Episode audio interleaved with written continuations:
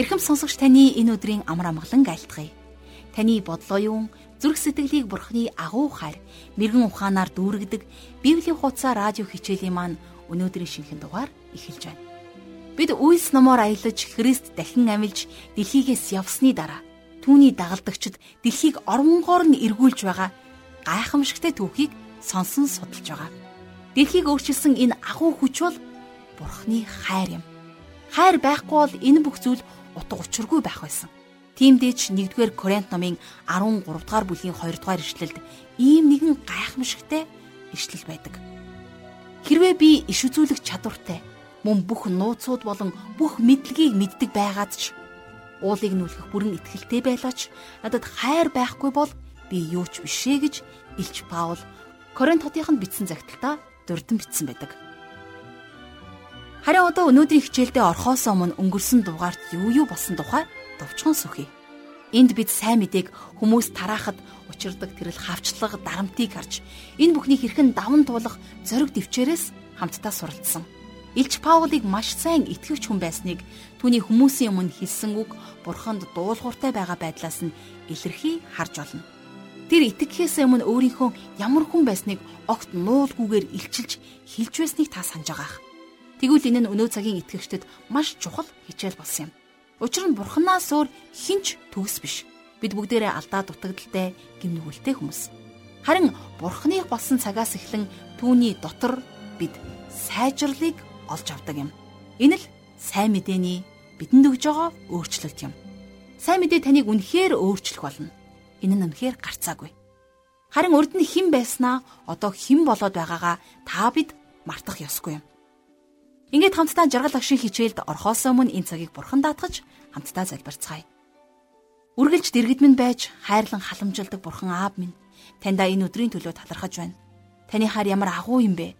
Харанхууд эзлэгдэж гим нүглэр дүүрэн энэ дэлхийг зөвхөн таал хайраараа өөрчилж чадсан.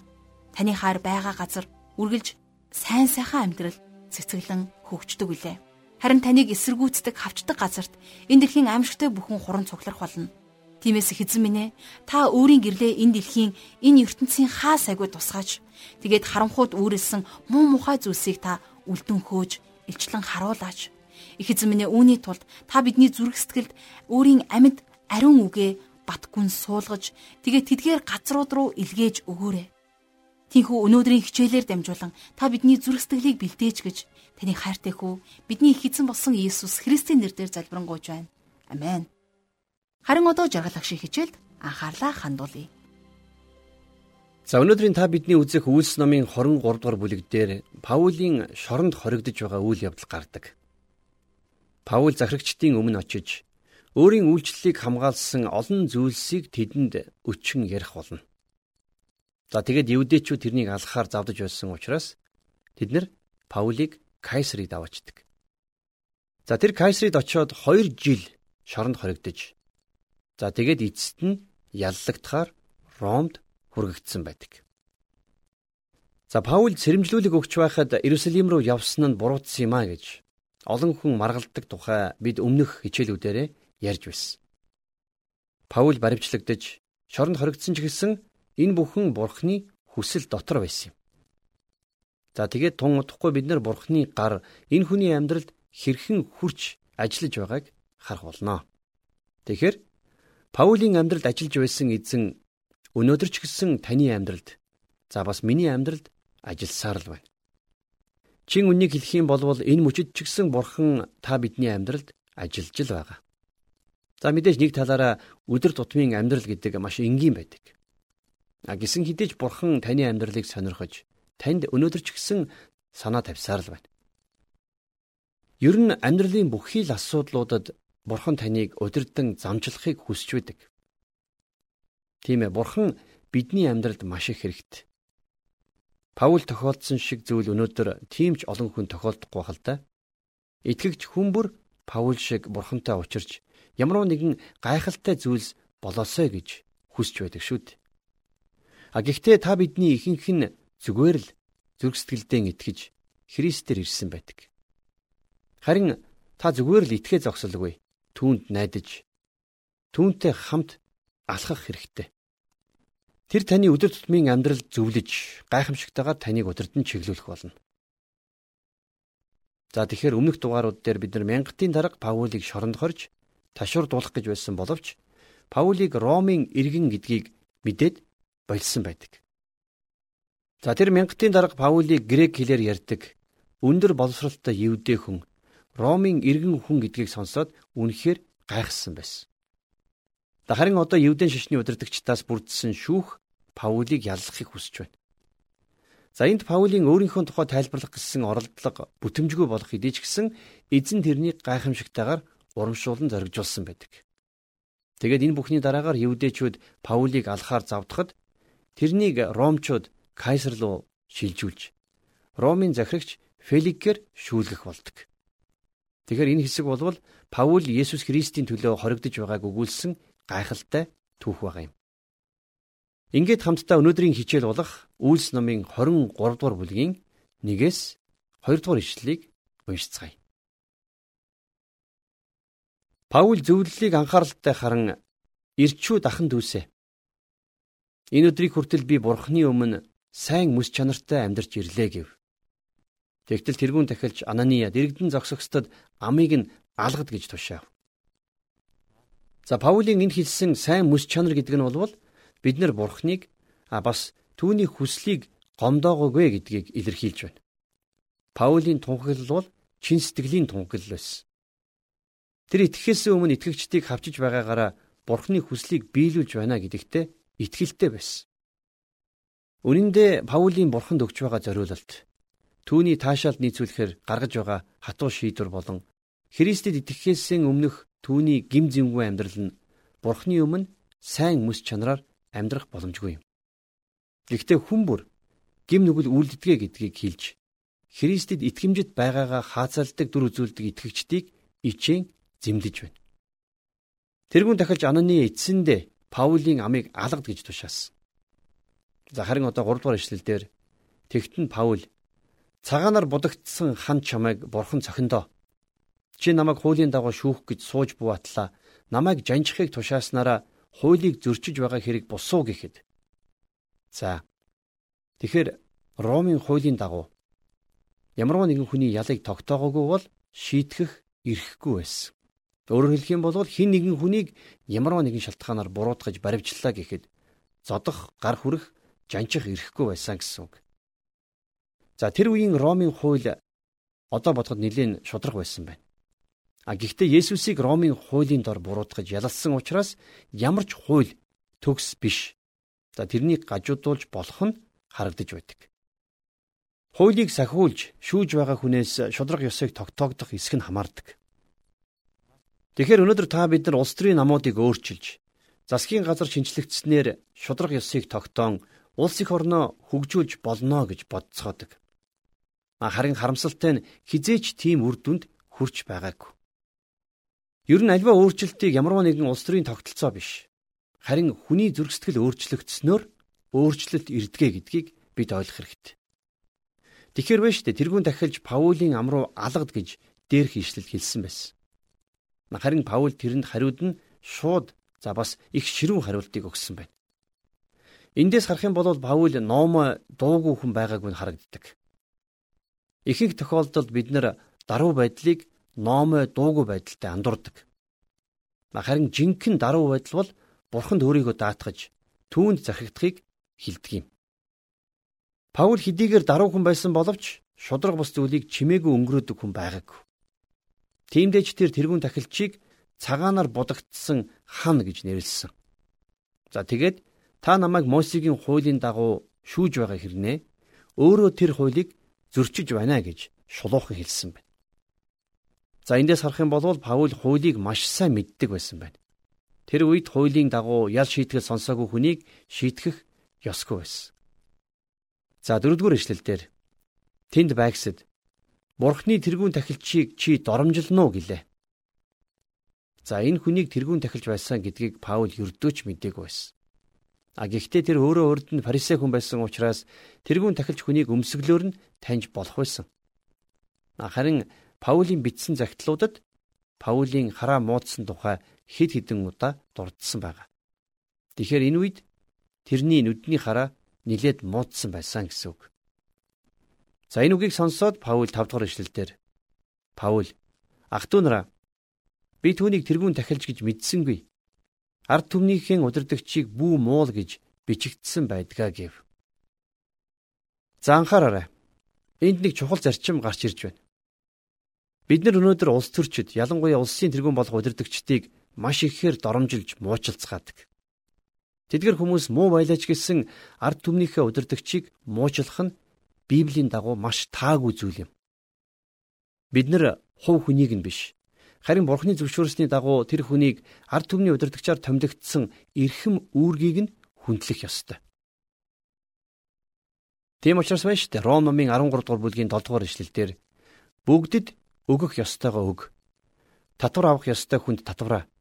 Гайлийн татвар авах ёстой хүнд гайлийн татвараа төл. Айж имээвэл зохих хүнээс айж имээ хүндэтгэл хүлээх ёстой хүнийг хүндэл гэж Паул захин бичсэн байдаг. Тэрнийг энэ загтлыг бичих үед Ромыг Неро хаан захирч байсан. Харин энэ хүнийг Паул түүхэндх маш аимчигтай хүн байсан гэж тоддхон бичиж үлдээсэн байдаг. Ниро хаан Христэд итгэгчдийг хавчиж байсан төдийгүй. За зарим түүхийн сурвалжаас харах юм бол итгэгчдийг бүр амьдаар нь шатааж байсан байдаг. За цааш нь үргэлжлүүлээд 23 дугаар бүлгийн 6 дугаар ишлэлийг хамтдаа уншицгаая. Тэгэд Паул нэг хэсэг нь садукейчуд, нөгөө нь фарисеучуд болохыг ажиглаад зөвлөлд. Ах トゥ нараа би бол фарисеийн хүү фарисей. Би найдвар болон үхэгсдээс амьлах амьллын төлөө шүүгдэж байна гэж хашгирав. За эндээс харах юм бол энд Паулийн гарал үүслийн тухай гарч байна. Тэгэхээр Паулийн эцэг нь бас фарисей хүн байсан байна. Тэгэхээр Паулийн эцэг маш баян чинэлэг нөлөө ихтэй хүн байсан байх магадлалтай. Паул шашны хоёр бүлгийнхэн фарисей болон садукейчүүдийн хоорондох маргааныг ашиглан яриага цааш нь үргэлжлүүлдэг. Фарисеучуд дахин амьлалтанд итгэдэг байсан бол садукейчуд итгэдэггүй байсан. За энээс болж хоёр бүлгийнхэн хоорондоо маргалдаж эхэлдэг. За 7-оос 9 дугаар ишлэлийг хамтдаа уншицгаая. Үүнийг хилэнгүүд фарисеучуд садукейчүүдийн хооронд маргаан дэгдэж хамаг олон хуваагдав. Садукейчуд амьлланч, тэнгэр илчч, сүнсч байхгүй гэж ярьдаг байхад харин фарисеучуд энэ бүхнийг хүлээн зөвшөөрдөг ажгуу.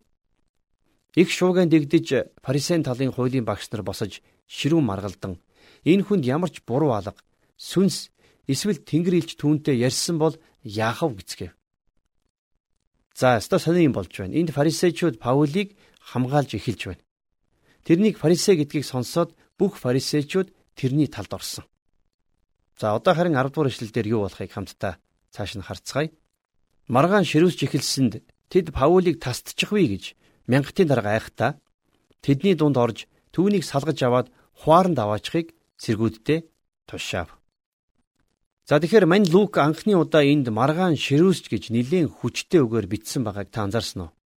Учир нь тэрнийг альва зүйлийг ихэд зөөлрүүлж ярьдгийг та бид нар сайн мэднэ. Тийм учраас энд болсон үйл явдал үйлс номд бичигдсэн хамгийн ширүү маргаан байсан гэж хэлж болохоор байна. За маргаан хүчтэй ширүүссэн За Паулийн амь насанд аюул учирч болзошгүй болсон учраас тэрнийг Ромын мянгатын дарга аварч байгаа тухай бид сайн уншлаа. За энэ тохиолдолд төр Паулийг хамгаалсан байна. Паулийг яг чухам яг юунд буруутгаад байгааг нь сайн ойлгоогүй өнөөх мянгатын дарга дахин тэрний амьд орж байна. За 11 дугаар эшлэлдэр гэтэл дараах шөнө нь эзэн Паулийн дэргэд зогсон зоригтой байх тун. Учир нь чи намайг Иерусалимд яаж гэрчилсний адил Ромд ч мөн гэрчлэх ёстой юм а гэжээ. Энэ ишлэлээс харах юм бол Паул Иерусалим руу явахдаа эзний хүслээс гадуур яваагүй байгаа нь илэрхий байгаа биз? Ариун сүнс тэрэнд хэцүү зүйл тохиолдно гэдгийг урдчлан хэлсэн. А гисэн ч гэсэн Паул Иерусалимд очиж Есүс эзнийг тэр хотод гэрчилсэн. Харин одоо эзэн тэрнийг Ромд бас гэрчлэх болно гэж хэлж байна.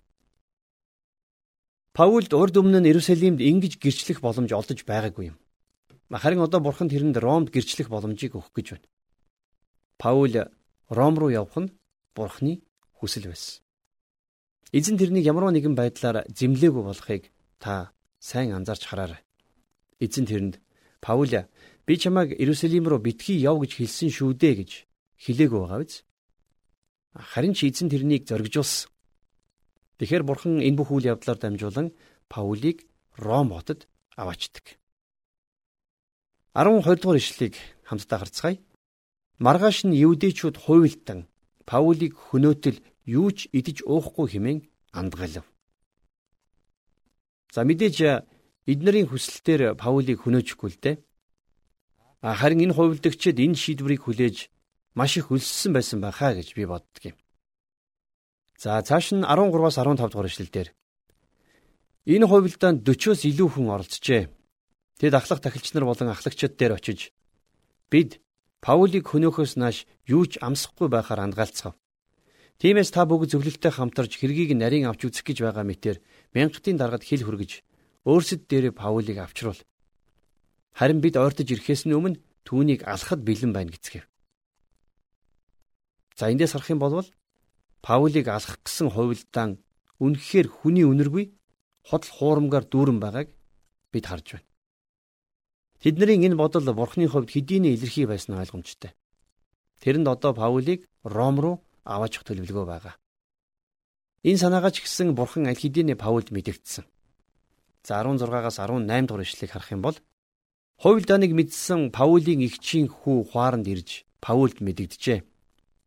Паул зуутын дарга нараас нэгийг нь дуудаж энэ залуу мянгатын даргад хэлэх юмтай тул хүргэж өгнө гэв.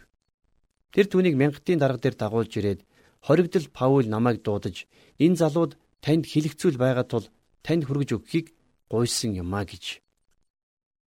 Тэгэхээр энд Паул өөрийнхөө Ромын иргэншлийнхээ эрх мэдлийг ашиглаж байна. За мэдээж тэрэнд ингэх бүрэн эрх байсан. За бас энэ ишлэл дээр Паулийн ах дүүгийн тухай гарч байна. За энэ зээдүү нь болвол Иерусалимд амьдардаг ихчийнх нь хүү байсан. За энэ хүү мянгатын дараагад одоо хувилдэгчдийн далд санааг илчлэх болно. За 19-оос 22 дугаар ишлэлд анхаарлаа хандуулцгаая. Мянгатын дарга түүнийг гараас нь хөтлөн зайдуу аваачаад чи надад юу хэлэх гээв гэж ховчлон асуув. Тэр Евдээчүүд Паулийн хэргийг илүү наривчлан хилцэх гэж байгаа мэтээр түүнийг маргааш зөвлөлд аваач хүсэлтийг танд хэлэх гэж зөвшөлдөжээ. Паулийг алхаас нааш юу ч идэж уухгүй гэж андгаалсан 40-оос илүү хүн түүнийг отож байгаа учраас тэднийг битгий сонсооч. Тэд нар одоо бэлэн бөгөөд таны зөвшөөрлийг л хүлээж байна гэв. Мянгатын дарга мөнөөх залууг явуулахдаа энэ тухай надад мэдэгдснээ хинд ч бүх хэл гэж загчээ. За мянгатын дарга Паулийн эсрэг хувилдааны тухай тэрний зэд үгээс нь мэдэж авсан. За би энэ хэсэгдэр танд нэгэн зүйлийг хуваалцмаар байна. Юу гэвэл Паул өөрийнхөө зэд үг мянгатын дарга руу оч гэж хэлэхдээ Бурханд найдаж байсан уу эсвэл өөрийнхөө аргаар ажиллаж байсан уу гэсэн асуулт гарч ирж байгаа юм. За тэгвэл энийг нэг жишээтэй холбож тайлбарлах хэрэгтэй. Тухайлх юм бол Бурхан эдгээгч гэдэгт итгэдэг зарим хүмүүс янз бүрийн өвчин тусахта эмчид очих ёсгүй зөвхөн Бурханд найдах ёстой гэж заадаг. Бурхан хүнийг гайхамшигаар эдгээдэг ч гэсэн эмч нарыг бас бидэнд туслуулахаар өгсөн. Тийм учраас Паул Ромын иргэншлийнхээ дагуу давуу ирэхээрээ мянгатын даргад хандахдаа Бурхны өөрт нь өгсөн боломжуудыг ашиглаж эцсийн найдварыг мөн л түүнд л тавьж байсан. Паул зэдүүдээ надад ингэж хэлсэнд баярлалаа. Гэвч би эзэнд найдаж байгаа болохоор зүгээрээ чи гэртээ хар гэж хэлсэн бол юу болох байсан бол? Мянгатын дарга энэ мэдээг сонсоод шууд цэргийн дарганараа дуудсан. Мэдээж энэхүү хувилдааныг урдчлан мэдсэн учраас маш сайн хамгаалалт тавьсан байна. За 23 дугаар ишлэгийг харцгаая. Тэгээд зуутын хоёр даргаыг дуудаж Кайсери руу илгээх 200 цэрэг, 70 морьтон, бас 200 жадчин шөнийн 3 дугаар цаг гэхэд бэлэн болго гэв. За тэгэхээр нэг зуутын дарга дороо 100 цэрэгтэй байсан гэдгийг та бид мэднэ. Тэгэхээр энэ талаар бид нар өмнөх хичээлүүдээс маш тодорхой үзсэн. Тэгэхээр энд Паулийг хамгаалах 200 цэрэг за дээрэс нь 70 морьтон бас 200 жадчин байсан гэсэн. За 24 дугаар ишлэлдэр мөн тэд захирагч Филикт Паулийг 9 минут хүргэх унлагын мордыг гаргажээ. Тэгэхээр Паулийг Кайсарид хүргэхийн тулд тун сүрлэг том айрам дагаж явсан байна. А гэхдээ бид нар евдээчүүд Паулийг алга төлөвлөгөөгөө хэрэгжүүлэх нь гарцаагүй байсан учраас энэ бол маш аюултай нөхцөл байдал байсныг ойлгох хэрэгтэй. Паулийн хувьд энэ тусламж хамгаалтыг авахдаа Бурхны хүслийн дотор алхаж байсан. Ийхүү одоо тэрнийг захирагч Филикийн өмнө аваажихын тулд Кайсери гэдэг хот руу илгээж байна. За тухайн үед Ромын захирагчид Кайсерид байдаг байсан. Тэд нар маш цөөн тохиолдолд Иерусалим хот руу ордог байсан. За Понти Пилатын жанжин штабч гэсэн мөн энд л байрладаг байсан. За сонирхолж хэлэх юм бол энэ хотын үлдэгдэл өнөөдөр ч гэсэн байдаг. За энэ хот бол Тэнгисийн эрг орчмын үзэсгэлэнтэй хот. За бас энэ хотын цаг агаар маш тааламжтай байдаг учраас ромчууд Иерусалимд биш харин Кайсерид амьдардаг байсан. За ингэж Паулийг Кайсерийн хотод байсан Филик захирагч руу явуулснаар евдээчүүдийн дайралтнаас тэрнийг аварч чадсан юм. За 25 дугаар эшлэл дээр тэгээд тэрээр ийм агуулга бүхий захидал бичив.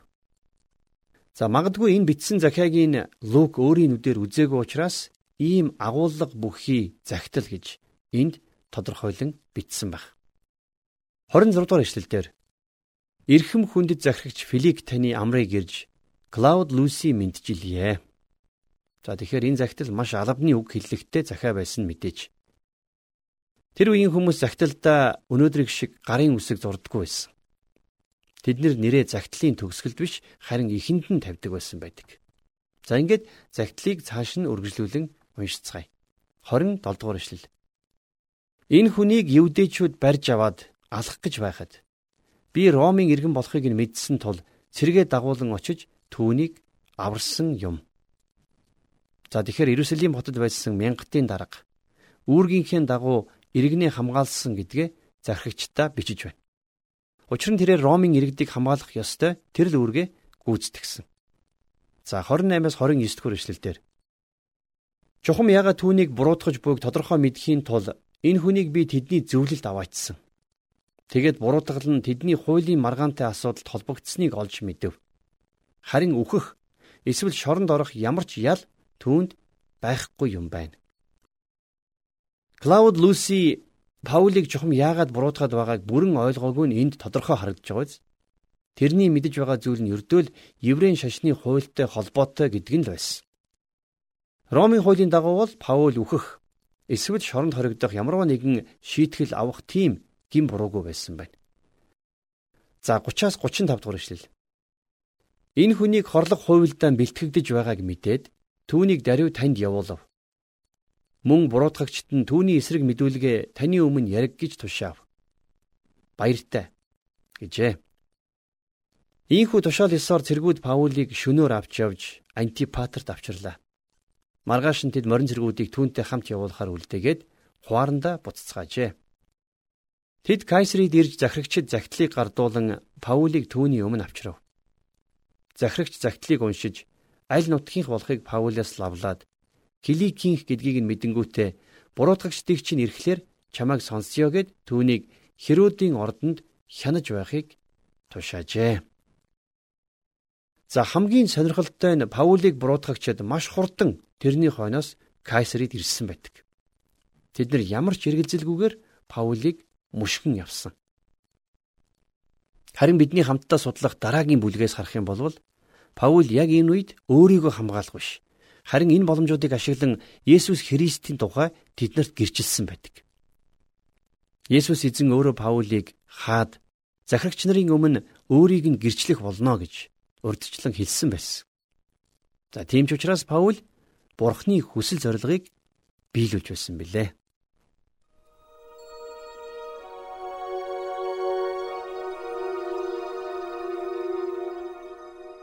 Тэгэхээр өнөөдөр таны амьдралд хэн хамгийн их нөлөөтэй байж ямар зүйлүүдэд чинь санаа тавин тусалдаг вэ? Бид маш олон хүнийг нэрлж болох юм л да. Гэхдээ хинч хизээч амьд бурхан шиг таны амьдралын бүхий л зүйлд гараа хүргэж чадахгүй. Тэр нэгч зүйлийг орхигдолгүйгээр санаа тавьж таныг босгон байгуулж чаддаг тэр л агуу хүч агуу нэг юм. Өнөөдрийн хичээлээс та бурхан хүний дотоод ертөнцид ямар гайхамшигтайгаар ажилладаг болохыг харлаа. Тэр зөвхөн зүрх сэтгэлийнхээ хаалгыг нээж өгсөн хүнтэй л харилцдаг бурхан. Тиймээс та түнд өөрийнхөө дотор ажиллах боломжийг заавал гаргаж өгөөрэй. Бурхан таныг гайхамшигтайгаар өөрчилж өөрийнхөө амар амгалан бэлэглэх болно. Христ итгэгч бидний тантай харилцахыг хүсдэг сайн мэдээ ийм л сайхан зүйл юм.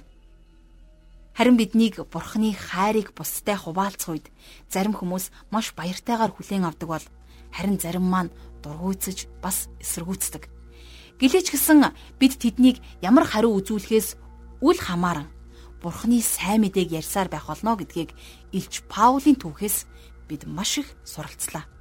Бидний үүрэг бол Бурхны хайр тэднийг хүлээж авахт нь бэлэн гэдгийг нь харуулах явдал юм. Ингээд энэ хүрээд өнөөдрийн хичээл маань өндөрлөж байна. Хамтдаа энэ гайхамшигтай цагийн төлөө Бурханд талархан залбирая.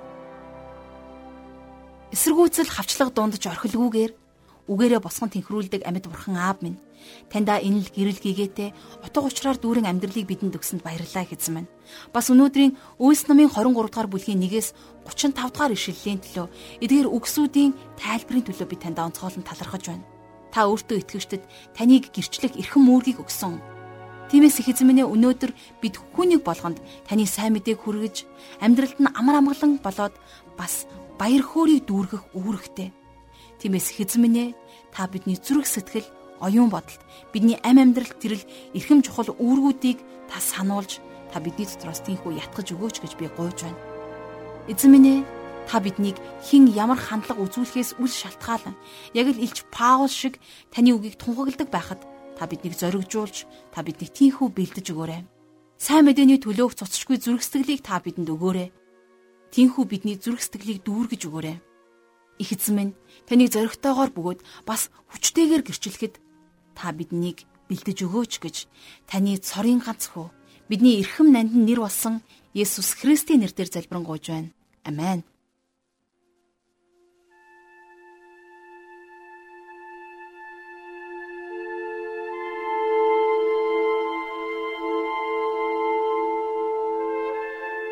Библийн хуудасаар радио хичээл хүрлээ.